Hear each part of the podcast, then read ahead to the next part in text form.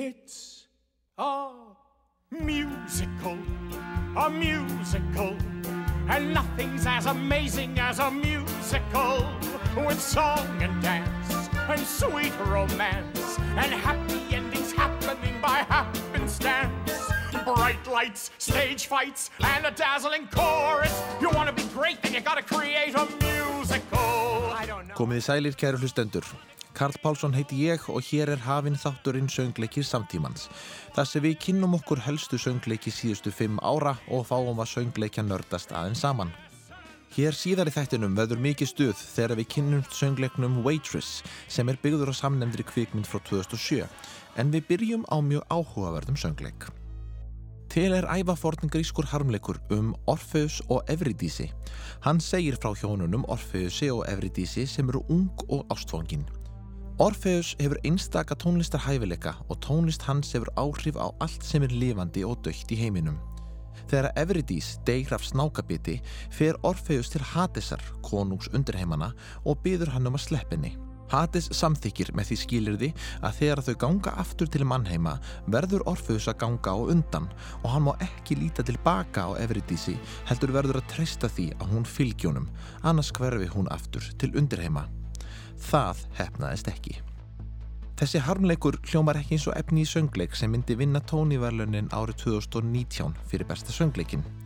En það er það sem gerist með söngleikin Hades Town. Did you ever wonder what it's like on the underside? Way down under. On the yonder side. Way down yonder. On the other side of his wall. Follow that dollar for a long way down. Far away from the poorhouse door. You either get the hell or the Hades town.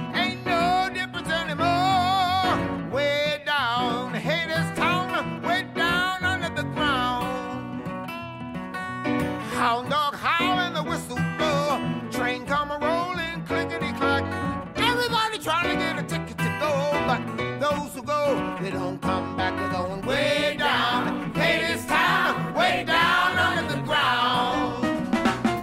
Harmleikurinn um Orfeus og Evridísi hefur verið sagður oft og mörgu sinnum í bókmyndum, kvikmyndum og tónlist alveg frá árinu 8 eftir Krist og meðal annars notaði Megas þann titil á eitt af lögum sínum.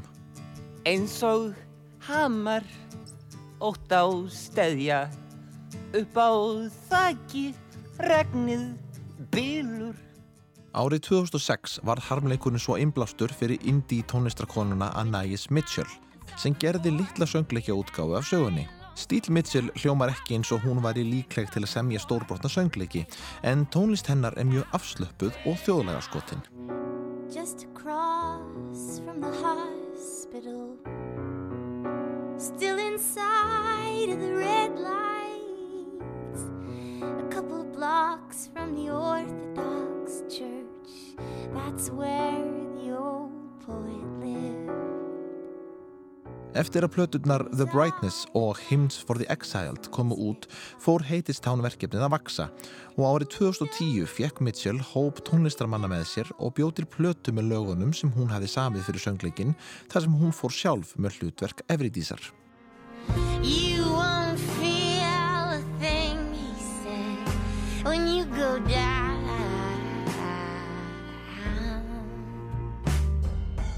Nothing gonna wake you now.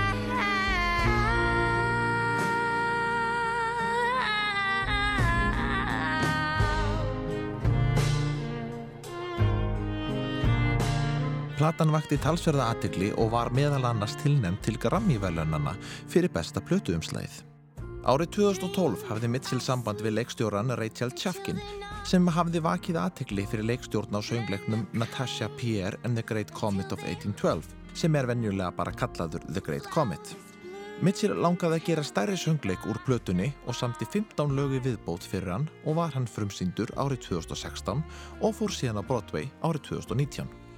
Margir flottir tónlistamenn eins og Greg Brown og Justin Vernon úr Bon Iver sungu á plötunni sem kom út 2010 en þegar að því að setja Heitistán upp á stóra sviðinu var heldur betur leitað í stórskota liðið. Í hlutverk Orfeusar var fengin Reeve Carney sem sló meðal annars í gegn sem Dorian Gray í þáttunum Penny Dreadful. en er líklega frægastur í Broadway heiminum fyrir að leika Spiderman í mishefnaða Spiderman söngleiknum Turn Off the Dark.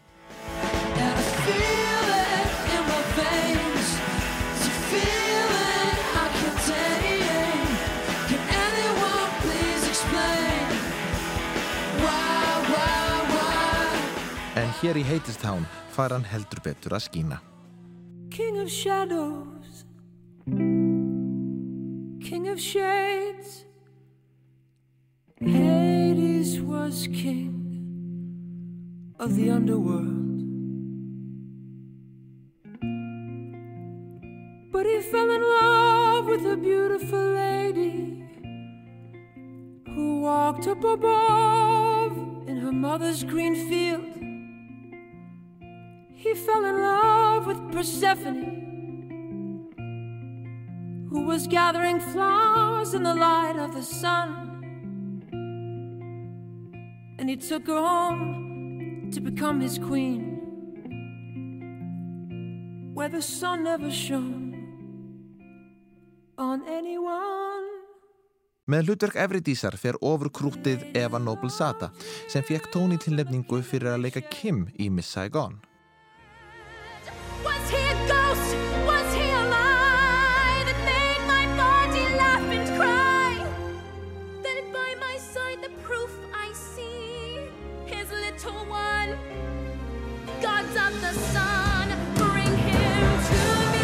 Hlutverk Orfeusar og Evridísar eru sko heldur betur örug í höndum þeirra og var Eva Noblesata tilnæmt til tónívelunana.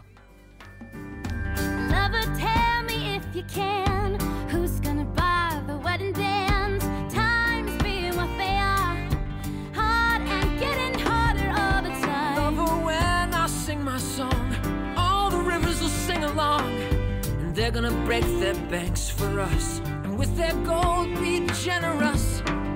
The flashing in the pan, all to fashion for your hand. The river's gonna give us the wedding dance.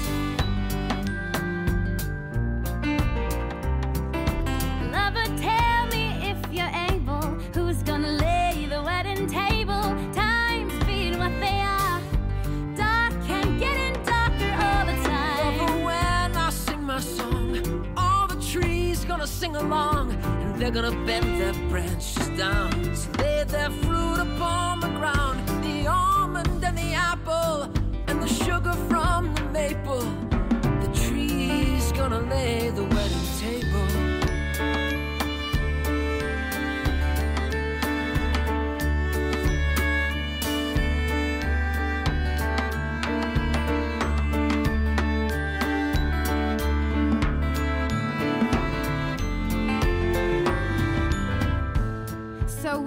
sing your song, the one you're working on, spring will come again. Yes, Why don't you sing it then? it isn't finished.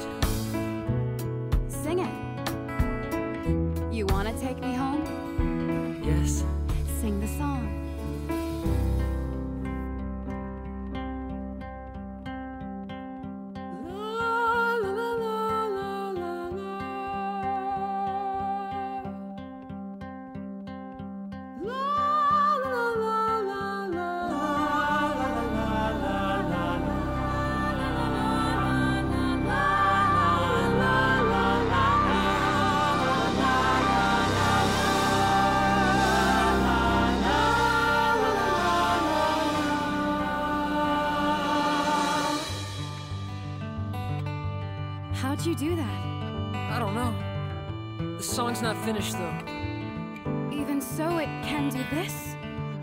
I know. You have to finish it. Meðalpersona er svo annað par en það eru Hades sjálfur, konungur undirheimana og kona hans Persifóna. En saga þeirra er að Persifóna samþykir að vera með Hades í undirheimunum með því skilirði að hún fái að vera í mannheimum hálft árið. Í staðin lætur Hades sólina skína meira þegar Persifóna er í mannheimum og segir góðsögnin að þannig sé árstíðarnar til komnar.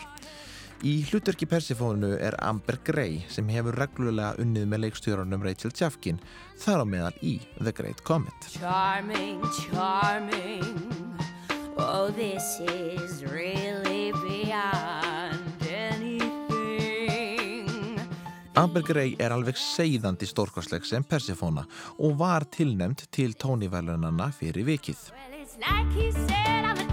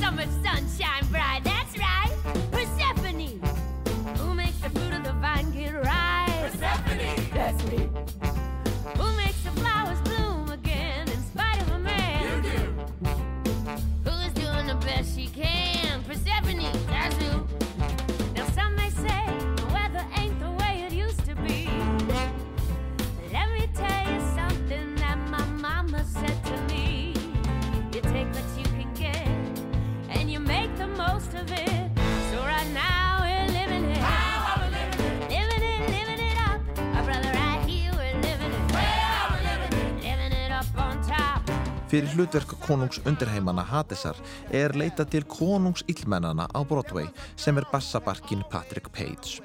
Patrick á einstaklega skröðlegan feril og hefur hann fengið að spreita sig á hlutverki Frollos í ringjarunum í Notre Dame Hellfire, Darkfire,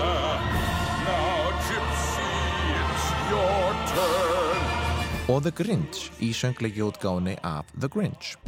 I hate Christmas Eve, the whole Christmas season. I hate all the who's, don't ask me the reason. Patrick Page og Reeve Carney sem að leikur Orpheus leika sjálfsögðu óvinni í Hadestown en það hafa þeir gert áður þegar Patrick leik Green Goblin í Spider-Man Turn Off the Dark. Looking for a night out on the town, you just found me. I'm a $65 million circus tragedy. Patrick hefur þó aldrei verið einn sterkur hér þar sem hann kemur með ákveðin Tom Waits feeling í Hades og hlaut Tony tilnefningu fyrir.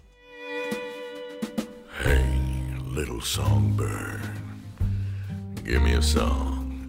I'm a busy man, and I can't stay long. I got clients to call, I got orders to fill, I got walls to build, I got riots to quell, and they're giving me hell back in Hades. Hey, little songbird, cat got your tongue. Always a pity for one so pretty and young. When poverty comes to clip your wings and knock the wind right out of your lungs, ain't nobody sings on empty. Þó að þremur af fyrrnefndum leikurum hafi ekki tekist að krækja í tónistittuna tókst það hjá fymta leikarunum sem ég nefni hér. Það er Andrei Shields í hlutverki sögumannsins Hermesar.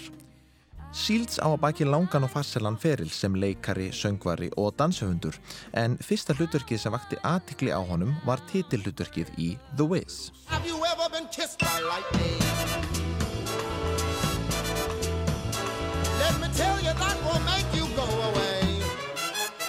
Og nokkrum árum setna sló hann endalega í gegn í Ain't Misbehavin'. How you baby? How's about a little dance? When the band starts blowing, I feel alive. I feel like going, say, what's your job, baby? Áður en heitist hann var síndur var Du Shields tvísvar tilnefndur til tónivelunana fyrir Play On og The Full Monty. I was just a little nipper, daddy told me,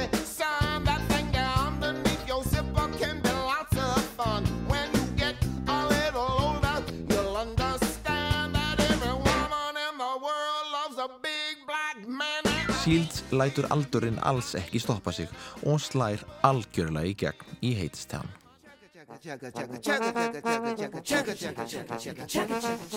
Once upon a time there was a railroad line. Don't I swear, brother, don't? It was the road to hell.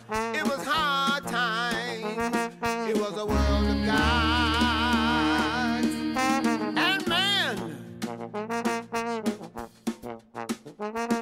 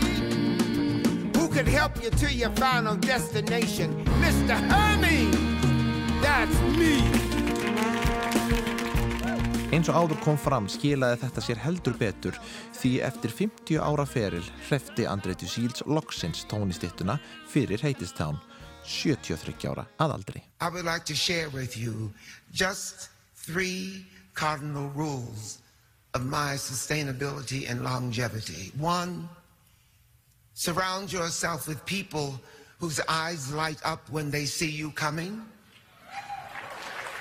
Two, slowly is the fastest way to get to where you want to be. And three, the top of one mountain is the bottom of the next, so keep climbing. Hadestown er einstaklega velhefnaður söngleikur og er hann sérstaklega áhugaverður fyrir það hvað hann skapar mikla heildstæða mynd í tónlist og textum. Mörg af lögunum í söngleiknum virka alveg einn og sér en þessi söngleikur virkar samt langbest ef honum er leift að renna ótrublaður í gegn. Þannig falla öll púslinn saman þar sem laglínur vísa í önnur lög sem hafa komið áður og lagapælingar sem mögulega voru ókláraðar fá að fullkomnast mörgum lögum setna. Söngleikurinn vakti gríðalega jákvæða aðtegli og var tilnefndur til 14 tóniveluna og vann 8. Auk þess að vinna besta söngleikinn þá vann meðal annars Rachel Chafkin fyrir leikstjórn. That's what is at the heart of this show. It's about whether you can keep faith when you are made to feel alone. And it reminds us that that is how power structures try to maintain control by making you feel like you're walking alone in the darkness, even when your partner is right there at your back. And this is why I wish I wasn't the only woman directing a musical on Broadway this season. There are so many women who are ready to go. There are so many artists of color who are ready to go. And we need to see that racial diversity and gender diversity reflected in our critical establishment, too. This is not a pipeline issue. It is a failure of imagination by a field whose job is to imagine the way the world could be. So let's do it. Thank you. Og 13 ára vinna skilaði sér fyrir Anais Mitchell sem vann að fyrir bestu tónlistina. And I just want to say three things I've learned working on this show for so long about trying to make a musical that I think are also true about trying to make good change in this world. Uh, number one, nobody does it alone. And number two, it takes a long time. And number three, it is worth it. So thank you. Hadestown er þessa stundina bara í síningu á Broadway en eins og svo margt sem er áhugavert við þennan söngleik þá var mjög aðtillisvert að hann byrjaði off-Broadway eins og nánast allir söngleikir gera en í staðin fyrir að fara beint á Broadway í framhaldi þá fór hann til London í eitt ár svo var hægt að sína hann þar og þá fór hann aftur á Broadway. Vonandi snýra hann þó aftur á West End innan skams. Áður en við skiptum algjörlega um gýr og förum í sittni söngleik þáttarins skulum við hlýða á lagið Wait For Me sem er oft talið vera lag síningarinnar.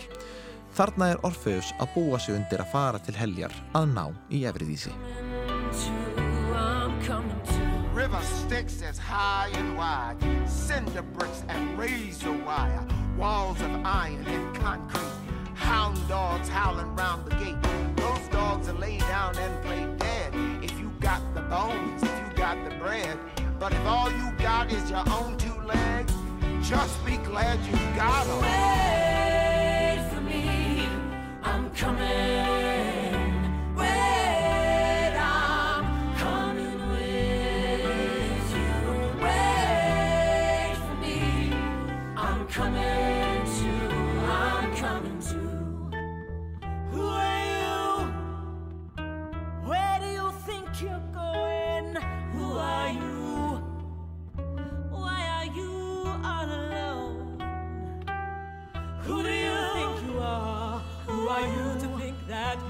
Can walk a road that no one ever walked before?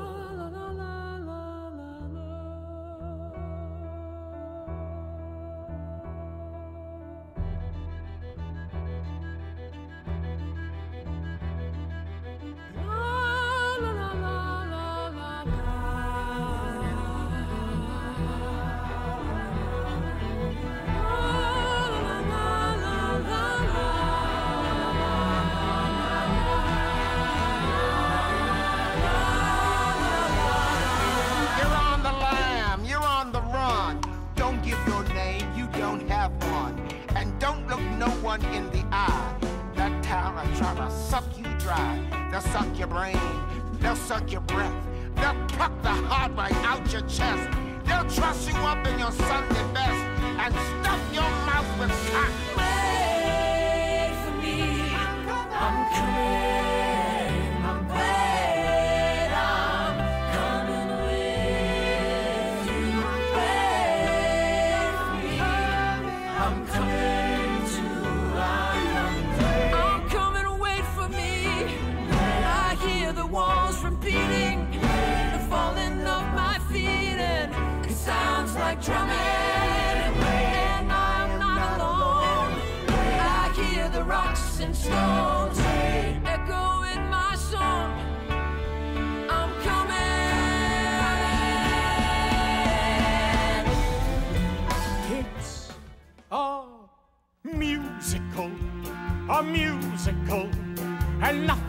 Amazing as a musical with song and dance and sweet romance and happy endings happening. Það er mikið í tísku í dag að setja upp söngleiki sem að byggja þér er á kvikmyndum.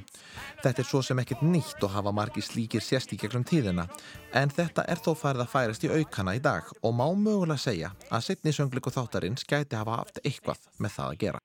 Sugar, sugar, sugar, butter, sugar, butter, sugar, butter, flour, sugar, butter, flour, sugar, butter, flour, sugar, butter, flour. My hands pluck the things I know that I'll need. I take the sugar and butter from the pantry. I add the flour to begin what I am hoping to start. And then it's down with the recipe and bake from the heart. Sugar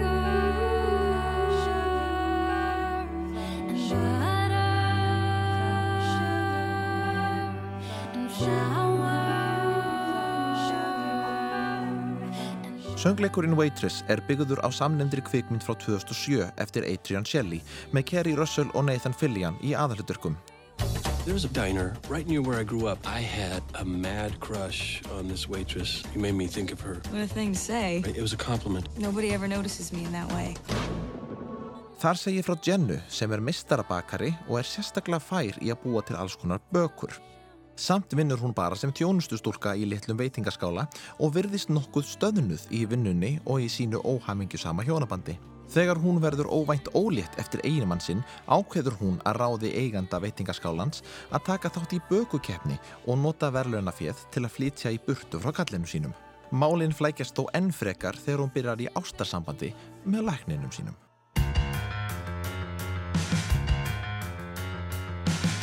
It's a bad idea, me and you. I know, I totally agree. It's a bad idea, me and you.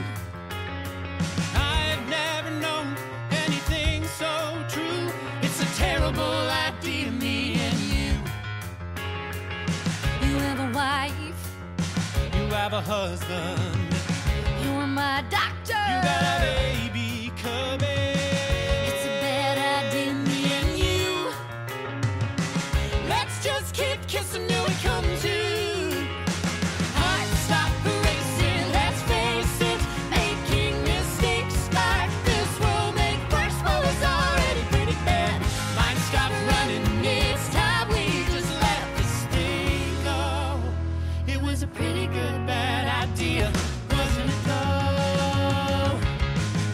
Bæði í kvikmyndinni og söngleiknum er leikið mikið með jafnvægið á milli húmors og alvarleika. Sögutráðurinn er fullur af alvarlegum augnablikum en personurnar eru mjög litrikar og andin yfir söngleiknum er almennt mjög léttur og skemmtilegur. Handritið er í höndum Jessie Nelson en hún hefur hingað til aðalega skrifað og leikstýrt kvikmyndum eins og I Am Sam. Velgengni Waitress er þó á nokkur svafa höfundi tónlistarinnar að þakka.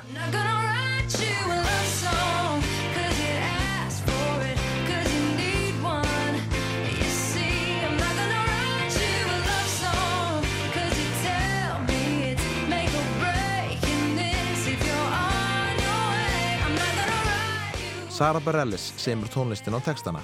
Á sínum yngri árum leik hún í nokkrum söngleikjum þó aldrei í neinu stóru. Þetta er förmraun hennar í að semja söngleikjatónlist og skipar hún sér þar með í hóp poplistamanna sem hafa dýft tanni í söngleikjalistina. Stundum hefnast þetta einstaklega vel eins og hjá Cindy Lauper með Kinky Boots. Og stundum er þetta lestarslis eins og hjá Bono og The Edge með Spiderman söngleikin. En hér heyrist greinilega að Sara Bareilles er fætt til að semja söngleikjatónlist. Það er svo ekki nóg með það að hún semji tónlistina í Waitress, heldur hefur hún einnig stundum farið með í hlutverk Jennu á Broadway og á West End. Leikonan sem var þó fyrst fenginn til að færa hlutverk Jennu sem Kerry Russell leki kvikmyndinni yfir á leiksviðið var söngkanonan Jessie Mueller sem vann tónivælunin árið 2014 fyrir tólkun sína á Carole King í söngleiknum Beautiful. But will you love me tomorrow?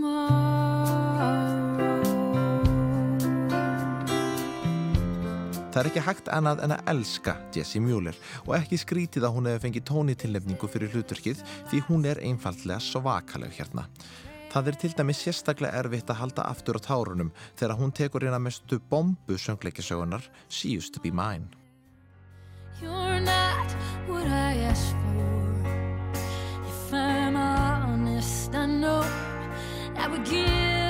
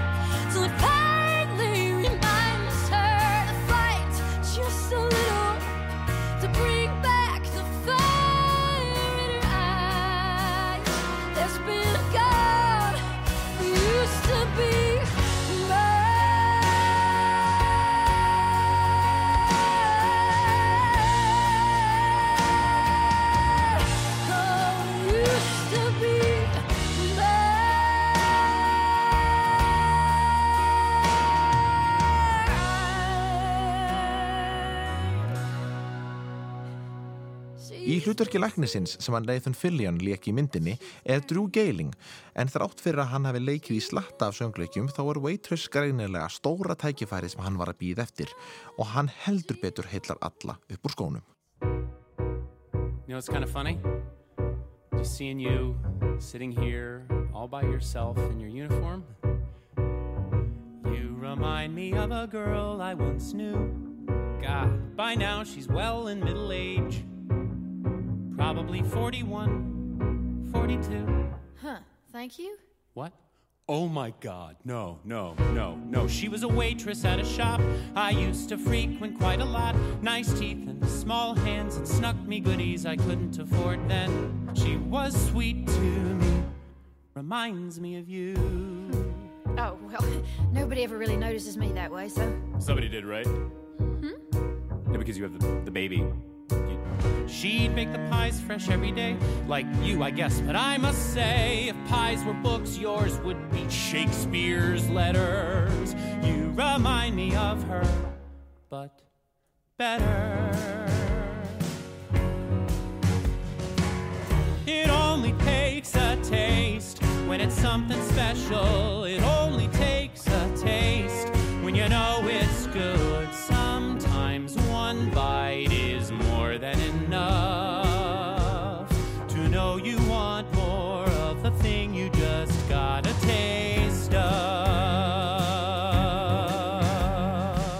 mjög góður styrkleiki Waitress eru allar skemmtilegu aukapersonurnar.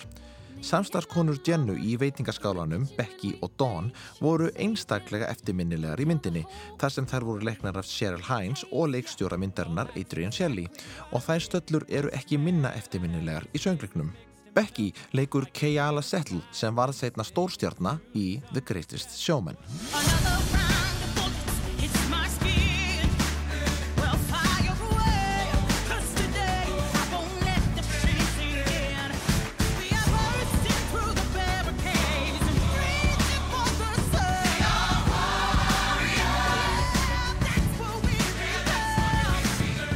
Becky er allt öðruvísi enn í kvikmyndinni en þessi persóna er svo skemmtileg að við kvörtum ekki. Look around you, ain't no saints here,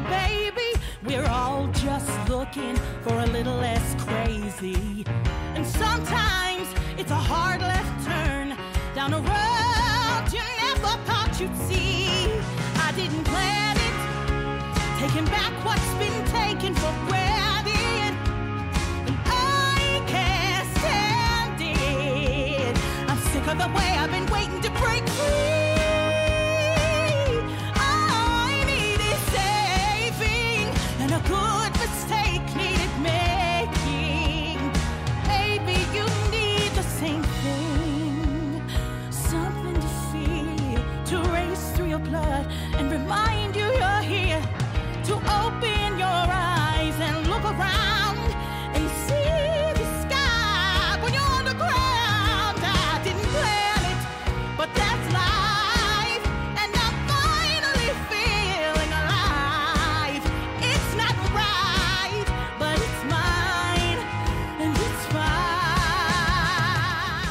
Kimiko Glenn leikur Dawn. Hún er frægust fyrir að leika Brooke Soso í Orange is the New Black og stelur hún reglulega senunni og þá sérstaklega í þeim atriðum sem einblína á ástarsamband hennar við hinn stórfurðulega Ógi.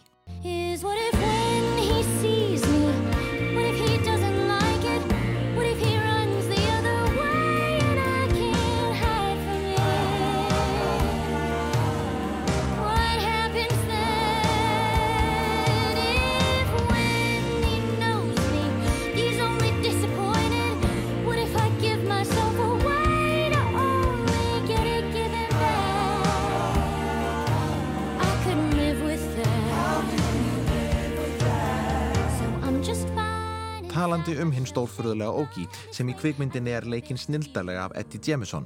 Hann er eiginlega lúmskasti senuþjóðurinn í síningunni því að þrátt fyrir að hlutverk hans sé ekki stórt þá er hann svo stórskrítinn að hver einasta sena með honum er gullmóli. Til að tólka þennan furðufugl er fenginn meistarinn Christopher Fitzgerald sem er mörgum kunnugur úr Wicked,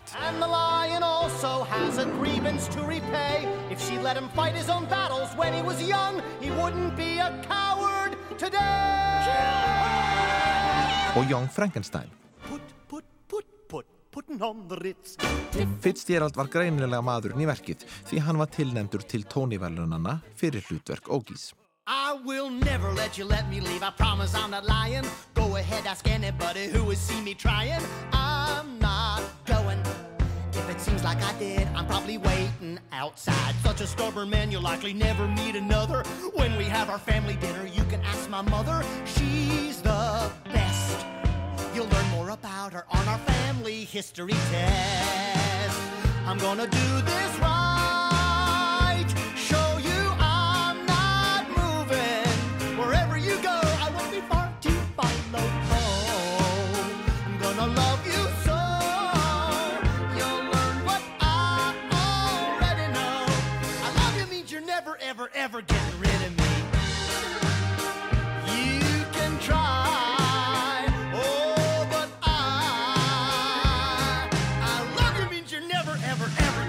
Rid of me. Ready for your check? Not quite. Pie for everybody! What? I grew up an only child in the suburb of the city. I spent my days alone. My only friend was a stray kitty called Sardine. Yeah, I thought it was hilarious to call a cat a kind of fish. She played hard to get, hissing while she scratched me. What she was trying to say was, Ogie, come and catch me. I learned quickly that perseverance stood between a cat and her new best friend, me. Oh, I'm gonna do this right.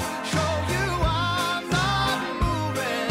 Wherever you go, I won't be far to follow. Oh, I'm gonna love you so. You'll learn what I already know. I love you means you're never, ever, ever getting rid of me. Ein persóna í viðbót sem verðugt er að nefna er eigandi veitingaskálans. Joe er eldri maður og hefur lítið með rekstur staðarins að gera annað en að mæta staðin og smakka bökurnar hennar Jennu. Í hlutverki hans er Dakin Matthews sem mörgum er kunnugur sem Charleston skólastjóri í Gilmore Girls en hann var einnig í Rocky söngleiknum.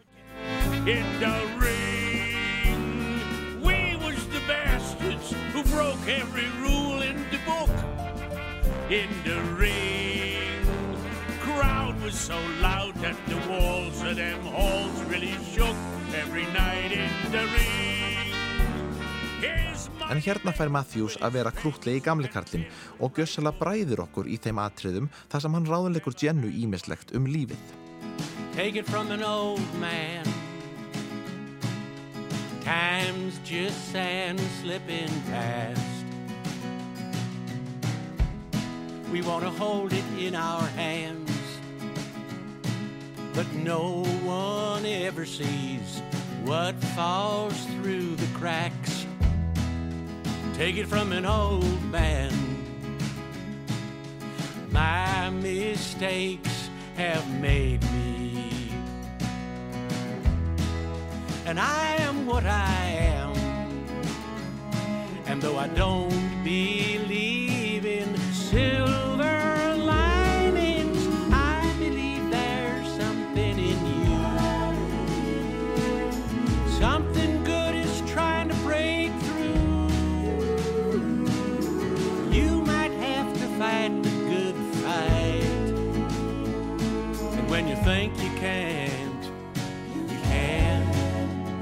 Take it from an old man. Take it from an old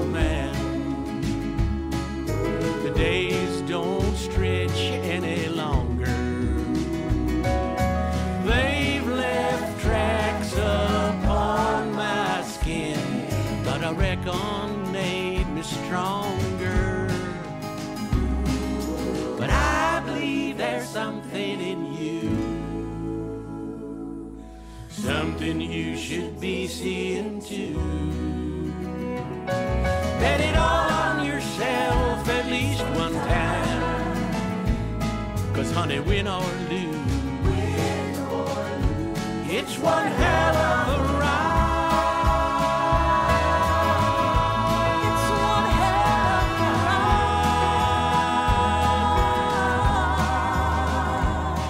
Waitress fekk frábæra móttekur þegar hann var frumsýndur árið 2016 og tónlistin hefur þegar skipað sér sess meðal ástsælustu söngleikja tónlistar sögunar.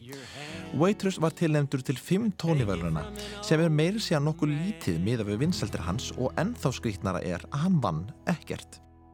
Það skal þó haft í huga að þetta var árið sem að Hamilton rústaði öllu. Sara Bareilles fór samt á kostum á tóniverlununum tveimur árum setna þegar hún var kynir á samt Josh Groban og þau gerðu einmitt grína því að þau hefðu kvorugt unnið neyn verlun fyrir þá söngleiki sem þau hefðu verið tilnæmt fyrir.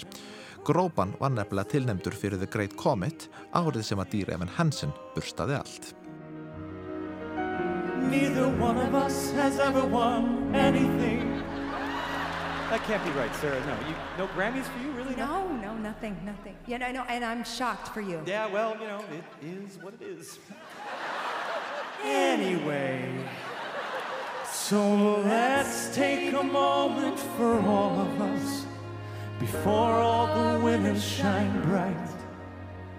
Lest you forget about 90% of us leave empty handed tonight. So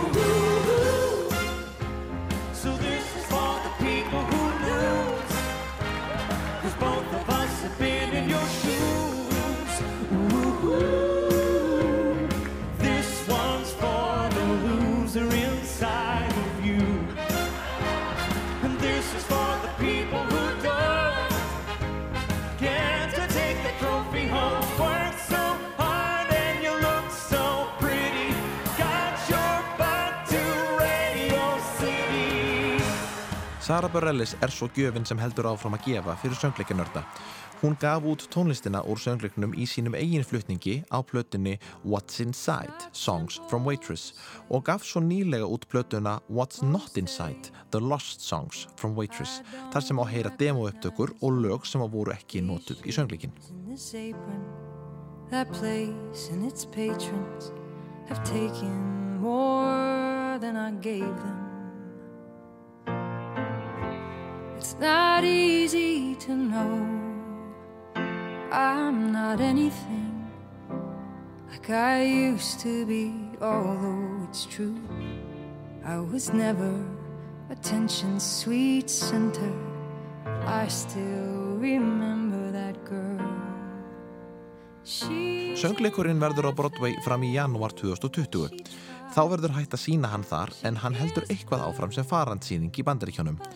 Hann verður samt ennþá á West End og í Sydney og ætlar Sara Bareilles að leika Jennu á West End í lok janúar 2020 og verður þar í sex vikur.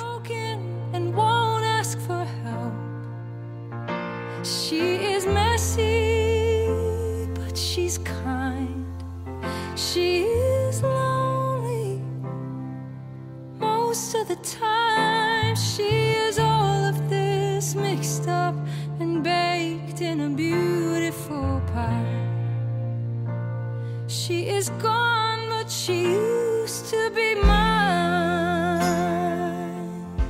Þá er þættinum loki í dag en í næstu viku fáum við seinustu tvo söngleikina sem ég fjalla um í þessum þáttum. Báðir eru þeir líka byggðir á kvikmyndum en myndirnar gæti ekki verið ólíkari. Þetta eru Band's Visit og Mean Girls. Ég leifi Jennu að enda þáttinn með læginu What Baking Can Do en við höldum áfram í næsta þætti. Herumst á.